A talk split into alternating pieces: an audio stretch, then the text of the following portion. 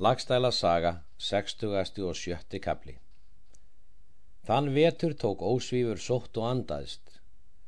Það þótti mann skaði mikill því að hann hafði verið hinn mest í spekingur.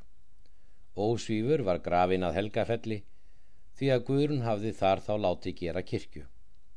Á þeim sama vetri fekk sótt gestur Ollefsson og er að honum leið sóttin þá kallaði hann til sín Þór lága són sinn og mælti.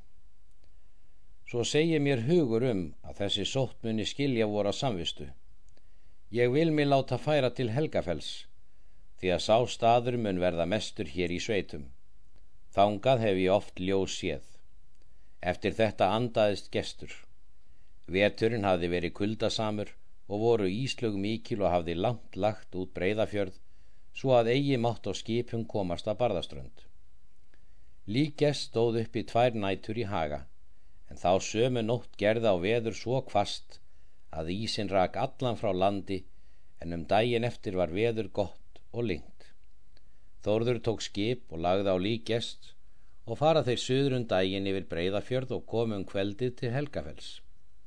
Var þar vel tekið við Þórði og er hann þar um nóttina. Um morgun var nýður sett líkjest og kvíldu þeir ósvífur í einni gröf. Kom nú fram spásagan gest að skemra var í milli þeirra en þá er annar var á barðaströnd en annar í sælingstal.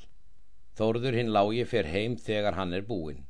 Hinn að næstu nótt eftir gerða á æði veður. Rak þá ísin allan að landi. Hjælt því lengjum veturinn að ekki mátti þar á skipum fara. Þóttu að þessu mikil merki að svo gaf til að fara með lík gests að kvorki var fært áður nýja síðan.